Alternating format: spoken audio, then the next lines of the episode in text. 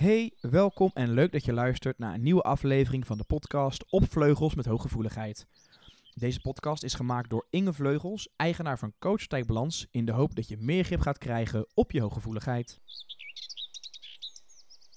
Welkom in deze nieuwe podcast. In deze podcast wil ik jullie uitleggen wat het betekent als je hooggevoelig bent en een relatie hebt. Uh, dit kan namelijk gevolgen hebben voor je communicatie. En communicatie is natuurlijk een heel belangrijk onderdeel in je relatie. Dus graag neem ik je mee in mijn verhaal en wil ik zoveel mogelijk kennis met je delen en hoop ik dat je daar al heel veel um, uit kan halen. Wat is nu belangrijk in een relatie? Ik heb voor mezelf een aantal punten opgeschreven waarvan ik denk van dit heeft een toegevoegde waarde, dit betekent voor mij een relatie. En een van de items is bijvoorbeeld een goede balans tussen eigenliefde en tussen wederzijdse liefde. Dus hou van jezelf, zorg dat je zelfvertrouwen goed is. Maar het is ook heel belangrijk dat er wederzijdse liefde en wederzijds respect is. Ik vind het ook heel belangrijk dat je jezelf kan zijn in een relatie. Um, het is nooit erg om je kleine dingetjes aan te passen. Maar veranderen, zeker als je wat ouder wordt, is gewoon heel lastig. En het mooiste wat je aan elkaar kan geven is eigenlijk jezelf mogen, kunnen en blijven zijn in een relatie. Een relatie is in mijn beleving ook een aanvulling op je geluk en geen invulling. Het geluk moet in eerste instantie in jezelf zitten en dan is een relatie een toegevoegde waarde. Wat ik ook belangrijk vind is dat je respect voor elkaar hebt en dat je elkaar respecteert in de dingen die gezegd worden en die geuit worden. En de verschillen maken eigenlijk um, ja, dat je ook verliefd op elkaar bent geworden. En alleen als je wat langer bij elkaar bent, merk je dat er wel eens wat haken en ogen aan zitten. En dat is natuurlijk lastig. Maar als je op een respectvolle manier met elkaar omgaat, ben ik ervan overtuigd dat dat goed komt. Ik vind het ook belangrijk in een relatie dat geven en nemen in balans is. Ik zeg altijd, um, je geeft heel veel en je neemt een beetje. En als dat in balans is, is dat gewoon heel mooi. En soms is het wat meer geven en soms is het wat meer ontvangen. Maar altijd in een mooie verhouding. Neem tijd voor elkaar. En wat ik heel belangrijk vind, is niet gaan denken voor de ander.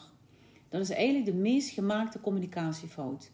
Denken voor een ander gaat altijd fout. Je kunt beter aan een ander vragen: wat bedoel je daarmee? Wat vind je hiervan? je kunt naar iemand kijken, maar je kunt nooit in iemands hoofd kijken. Dus vraag dat. In een relatie is het ook heel belangrijk of je verbinding durft aan te gaan met een ander. En dit kan natuurlijk ook te maken hebben of, uh, met de dingen die je uit je jeugd hebt meegekregen. Dus ben je veilig gehecht of ben je onveilig gehecht? Uh, zijn er vroeger vervelende dingen gebeurd? Uh, alles wat je meemaakt in je leven bepaalt in het nu hoe je er eigenlijk in staat. En het is dus heel belangrijk um, om ook de dingen die in het verleden nog niet helemaal verwerkt zijn. vaak komen we in ons volwassen leven toch wat restjes tegen. Zorg dat die worden opgelost. Ga naar de oorzaak, ga naar het stukje innerlijk kind en los het samen met een goede therapeut op. Ik merk in mijn therapie die ik geef dat heel vaak kleine stukjes eh, innerlijk kind nog beschadigd zijn of niet voldoende geheeld. En dat maakt dat je in het nu, in de communicatie en in je relatie, daar nog hinder van kan ondervinden. Zo jammer en ook niet nodig. Maar het kan daadwerkelijk wel. Dus verbinding maken met jezelf om te helen, maar ook verbinding maken met eh, de ander. En dat ook durven aan te gaan, onvoorwaardelijk en zonder angst. Wat gebeurt er nou als je hooggevoelig bent en je hebt een relatie met je partner? Hier wil ik even bij stilstaan, want ik wil graag vertellen wat een hoogsensitief, een hooggevoelig persoon um, voelt. Hooggevoeligheid is de term en het hoogsensitieve bepaalt in hoeverre je er last van hebt, wel of niet. Dus soms gooit die termen even door elkaar, maar het is de intensiteit wat het sensitieve verklaart. We zijn heel oprecht, trouw eerlijk en hebben een groot sociaal inlevingsvermogen. En we zijn een goede opvoeder en perfectionistisch. En dat is eigenlijk een heel mooi gegeven in een relatie. Het nadeel daarvan kan zijn dat we zo enorm loyaal zijn en ook wel eens wat grenzeloos, dat we onszelf wegcijferen. En dat mag natuurlijk niet de bedoeling zijn, want ja, buiten dat je moeder bent, ben je ook partner, ben je ook vriendin, ben je ook minnares of minnaar, ben je ook uh, werkgever, werknemer. Um, ja, er gebeurt natuurlijk heel veel om je heen. En je hebt meerdere rollen. En als je daar overal bij zou wegcijferen, is natuurlijk uh, niet gezond. Uh, wat je vaak ziet is dat als je verliefd wordt, dat je ook hevig verliefd wordt. Het is ook een, ja, net als ik eerder in het podcast al heb verteld, we zijn intenser. Alles is maar factor 10. Dus we zijn tien keer meer verdrietig, maar we zijn ook tien keer meer verliefd. Als het gedrag te intens wordt, de verliefdheid te intens, kun je je voorstellen dat je ook wel eens terugtrekt. En dat kan voor de partner wel wat verwarrend zijn, zeker op, ook op intimiteit. Maar dat maakt wel ja, dat je het vele voelende ook al heel snel naar boven laat komen. Je hebt een diepere behoefte aan warmte uh, en aan contact. En je vindt het heel fijn om diepgaande gesprekken te hebben. Het uitwisselen van um, gedachten en gevoelens vind je heel belangrijk. En je hoopt um, en wenst dat je partner je daarin kan volgen. Iets later leg ik je uit dat dat soms niet het geval is en wat je daar eventueel aan zou kunnen doen. Je kan je bijvoorbeeld intens genieten um, met je partner, maar je kan je ook intens ergeren. Jullie hebben daar vast wel uh, voorbeelden van, uh, maar dat komt heel vaak voor. Je bent heel goed in de andere comfort bieden. En je bent conflictvermijdend en je wil heel graag een goede sfeer behouden. Dus je zal eerder een bemiddelende rol uh, op je nemen, uh, waarin iedereen zich prettig voelt. Voor jou niet vaak de makkelijkste rol, moet ik zeggen. Doordat je zelf hoge eisen aan jezelf stelt, um, heb je natuurlijk ook hoge verwachtingen aan jezelf. Um, maar wil het ook wel eens voorkomen dat je die ook naar de anderen toe plaatst. En daar gaat het natuurlijk vaker mis. Want dat jij hoge verwachtingen hebt naar jezelf, wil niet zeggen dat je die ook bij de anderen kan neerleggen. Um, en als die ander dan niet aan tegemoet komt, kun je ook vaker teleurgesteld raken. En dat is natuurlijk best wel een lastig verhaal. Um, ja, je stelt daardoor wat meer eisen aan contact. En um, ja, dat kan zeker in vriendschappen uh, wel eens tegenvallen. Ik zal er in een aparte podcast uh, over vriendschappen, zal ik daar verder uh, dieper op ingaan. Je hebt een diepere en intenser manier van waarnemen en van verwerken. En je kunt je voorstellen, als je heftige dingen hebt meegemaakt, dat je meer tijd nodig hebt om het te verwerken. En dat je meer tijd nodig hebt om ervan te herstellen. Dus waar je partner bijvoorbeeld na een stresssituatie na twee dagen weer in balans is, kan jou best drie, vier, vijf, zes dagen duren. Het komt omdat je veel informatie hebt te verwerken. Die komen eigenlijk als een baksteen bij je binnen. Die, moet, die filter werkt niet goed in je hoofd, dus die moet je allemaal op een goede manier gaan wegzetten. En dat vergt tijd. En daarna wil je er goed over nadenken. En daarna kan je het in een goed perspectief zien. Dus hersteltijd is ook langer dan bij een niet-HSP'er. Wat ook heel erg mooi is, is eigenlijk dat je kan communiceren. Natuurlijk verbaal, maar dat je ook non-verbaal heel veel dingen waarneemt. Dus je partner kan bijvoorbeeld zeggen: Nou, ik vind het niet erg als je zo doet of zo bent. Maar eigenlijk tussen de regels door weet je, zie je en voel je andere signalen. En dat maakt het vaak zo verwarrend. Dan word je eigenlijk een beetje op het verkeerde been gezet. Dus de verbale en de non-verbale communicatie loopt niet gelijk. En dan mis je eigenlijk de verbinding met je partner. Dat is een van de grootste items die het zo moeilijk maakt. Dus wat gebeurt er nou als je een um, controle bijvoorbeeld hebt? Je vindt het ook heel erg fijn als je de controle kan houden. Die wil je graag houden. En op het moment dat je het loslaat, vind je het moeilijk. Want je, je, hebt, ja, je weet niet goed wat de ander dan doet. En dat maakt je een beetje onrustig.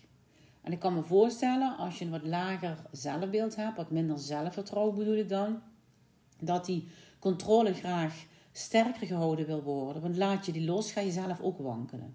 Dus dat is vaak ook wel een aandachtspunt eh, in de therapiesessies die ik eh, geef.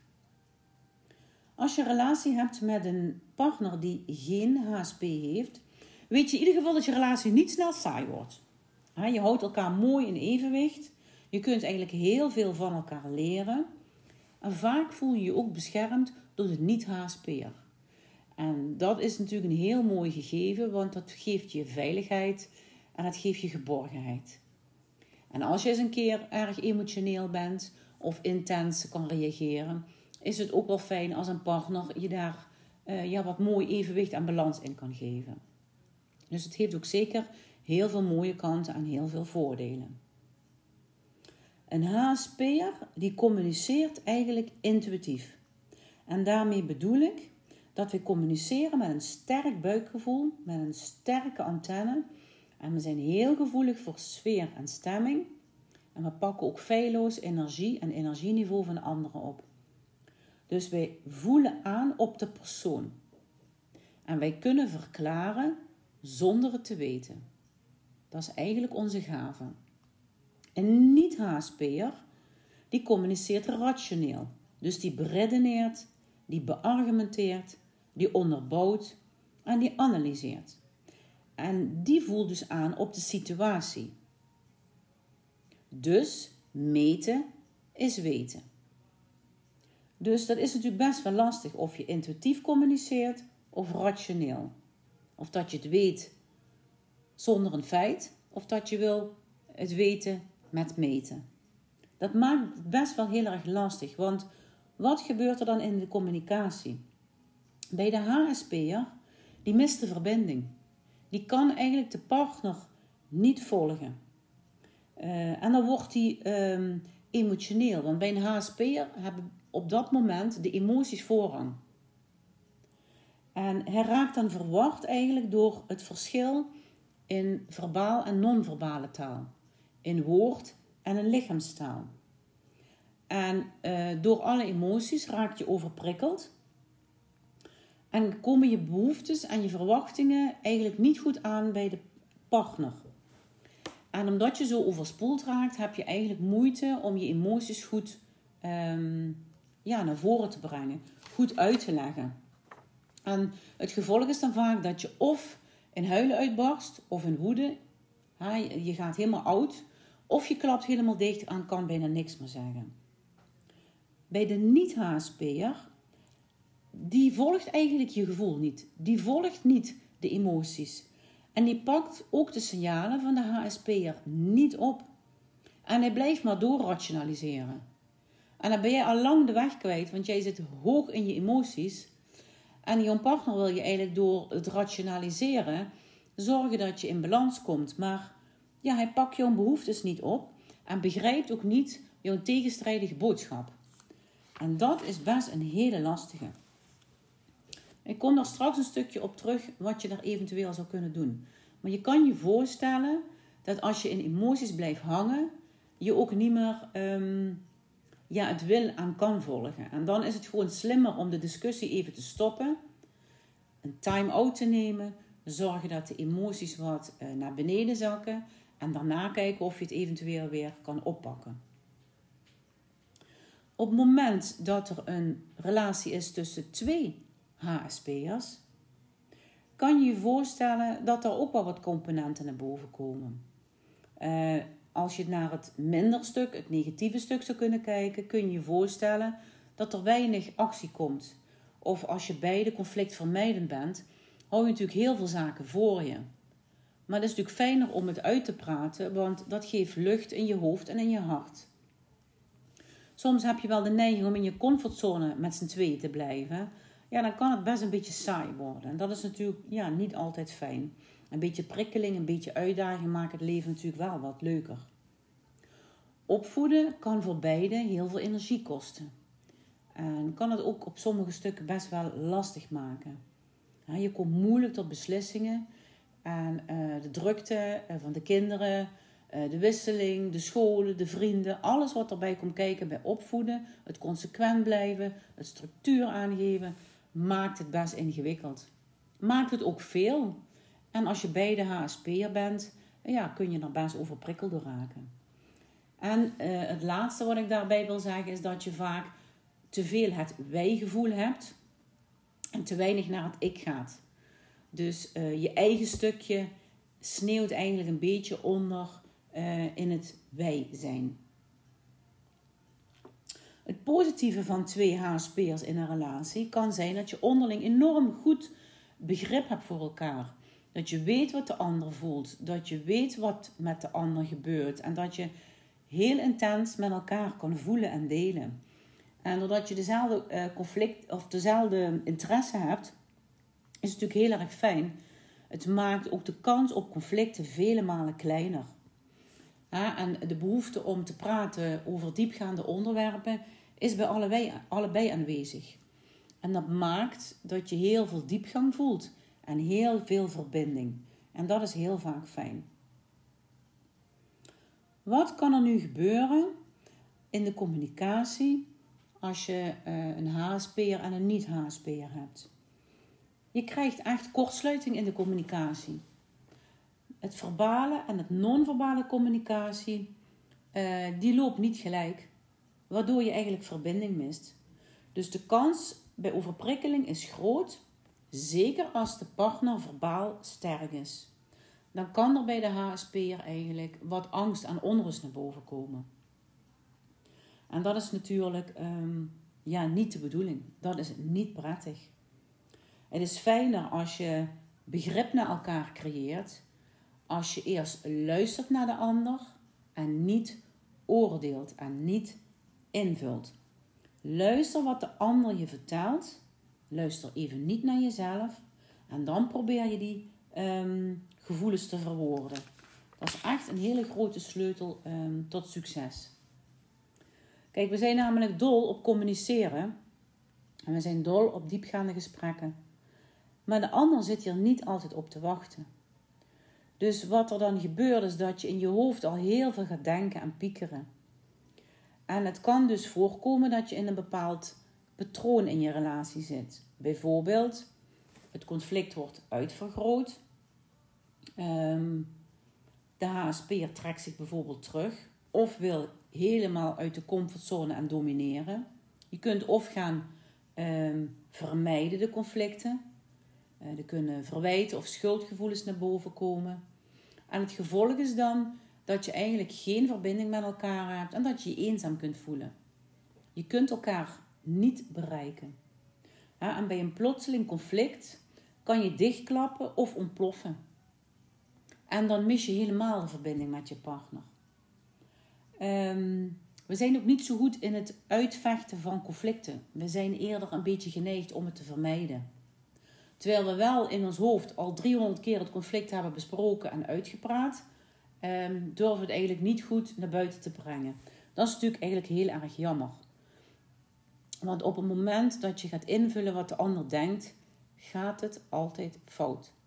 Dat is de grootste communicatiefout uh, die in relaties gebeuren. Denken wat de ander denkt gaat altijd fout. Bij kritiek kan je je diep gekwetst voelen. Dat komt omdat je het gewoon heel intens waarneemt. En je gaat dan huilen bijvoorbeeld uit onmacht. Uh, of je hebt moeite met al je emoties te begrenzen. En uh, dat is gewoon heel erg lastig. En conflicten kosten natuurlijk heel veel negatieve energie. En die negatieve energie die wil je niet. Want je loopt als het ware als een ballonnetje leeg. En hebt daarna zoveel herstel- en verwerkingstijd nodig. Uh, dat je eigenlijk in een soort emotionele achtbaan zit. En dat is natuurlijk niet wenselijk. Ik heb nu een gedeelte uitgelegd hoe het eigenlijk zit met een relatie, wat ik belangrijk vind. In een relatie tussen een HSP'er en een niet-HSP'er. Tussen twee HSP'ers. Wat er gebeurt in de communicatie. En wat de gevolgen kunnen zijn. En uiteraard is het complexer uh, dan ik het nu vertel, maar ik wil jullie vast wel een inzicht geven. In de therapiesessies die ik geef, gericht op HSP in je relatie, komen natuurlijk veel meer dingen bij kijken. En leer ik jullie um, op een hele persoonlijke manier naar elkaar kijken um, en hoe je elkaar weer kan verbinden en hoe je elkaar weer kan uh, voelen en zien, um, zonder dat daar heel veel onrust bij is. Maar het is eigenlijk een op maat gemaakt traject en dat gaat hier te ver om daarop in te gaan, maar dat is wel mogelijk. wil jullie wel alvast wat waarden meegeven, buiten de inzichten en wat mooie tips. En een van die mooie tips is: accepteer dat er een verschil is. Ooit zijn jullie verliefd op elkaar geworden, omdat je verschilde, omdat je mooie componenten bij elkaar zag, mooie karaktereigenschappen. Geniet daarvan en accepteer dat. Als er een conflict is, dit is ook een hele belangrijke, blijf dan bij het onderwerp. Ga niet iedere keer oude koeien uit de sloot halen. Jullie dus spreken één onderwerp en spreek van tevoren af. Als het te heftig wordt, stoppen we even. Dan nemen we even een time-out. Ga je gewoon een kopje koffie drinken. Dan kijk je of je na een uurtje um, jullie discussie of jullie verhaal weer kunnen oppakken. Maar laat de gemoederen niet te hoog oplopen. Dus je zou bijna kunnen zeggen: we spreken van tevoren een aantal spelregels af. Geef ook de HSP'er alleen tijd, me-time. Laat de HSP'er even alleen zijn om tot zichzelf te komen, om te verwerken wat is er gebeurd en om eh, daarna op een rustige manier te kunnen vertellen: zo voel ik me. Dit gebeurt er met mij. Vaak kunnen ze door de intense emoties niet meteen reageren, maar komt dat bijvoorbeeld pas na een uur of pas de dag daarna. En ook dat is goed. Denk niet voor elkaar, want dat gaat fout. En luister oprecht naar elkaar. Laat de anderen helemaal uitpraten voor je ja, daar zelf um, een oordeel over geeft, of een mening, of in heftigheid op reageert. Luisteren is meer. Luisteren is ook horen. Kijk naar de ander, zie de ander, laat de ander in zijn waarde. Dat is echt heel belangrijk. In het traject HSP in je relatie kan ik nog heel veel meer tips en tools geven en dat ga ik ook zeker met jullie delen. Maar voor nu is dit eigenlijk het belangrijkste wat ik jullie kan meegeven. Wees lief voor elkaar, wees dankbaar dat je elkaar hebt. Maak spelregels, heb begrip voor elkaar en geniet ook vooral van deze hele mooie gaven. Want hooggevoeligheid is een hele mooie karaktereigenschap en heeft veel meer positieve kenmerken. Hij heeft ook wat valkuilen, maar daar kan je mee leren omgaan. Het verrijkt je relatie, het verdiept je relatie en ik hoop dat jullie dat ook gaan zien als een mooie verrijking in jullie relatie. En ik gun jullie uh, meer verbinding en meer diepgang. Laat het iets moois zijn tussen jullie. Ik wens jullie nog een hele fijne dag en hier is het einde van deze podcast. Tot ziens! Hopelijk heb je wat gehad aan deze podcast. Wil je nou altijd op de hoogte blijven? Vergeet dan niet deze podcast te volgen en te liken. En voor meer informatie kun je terecht op coachpartijbalans.nl.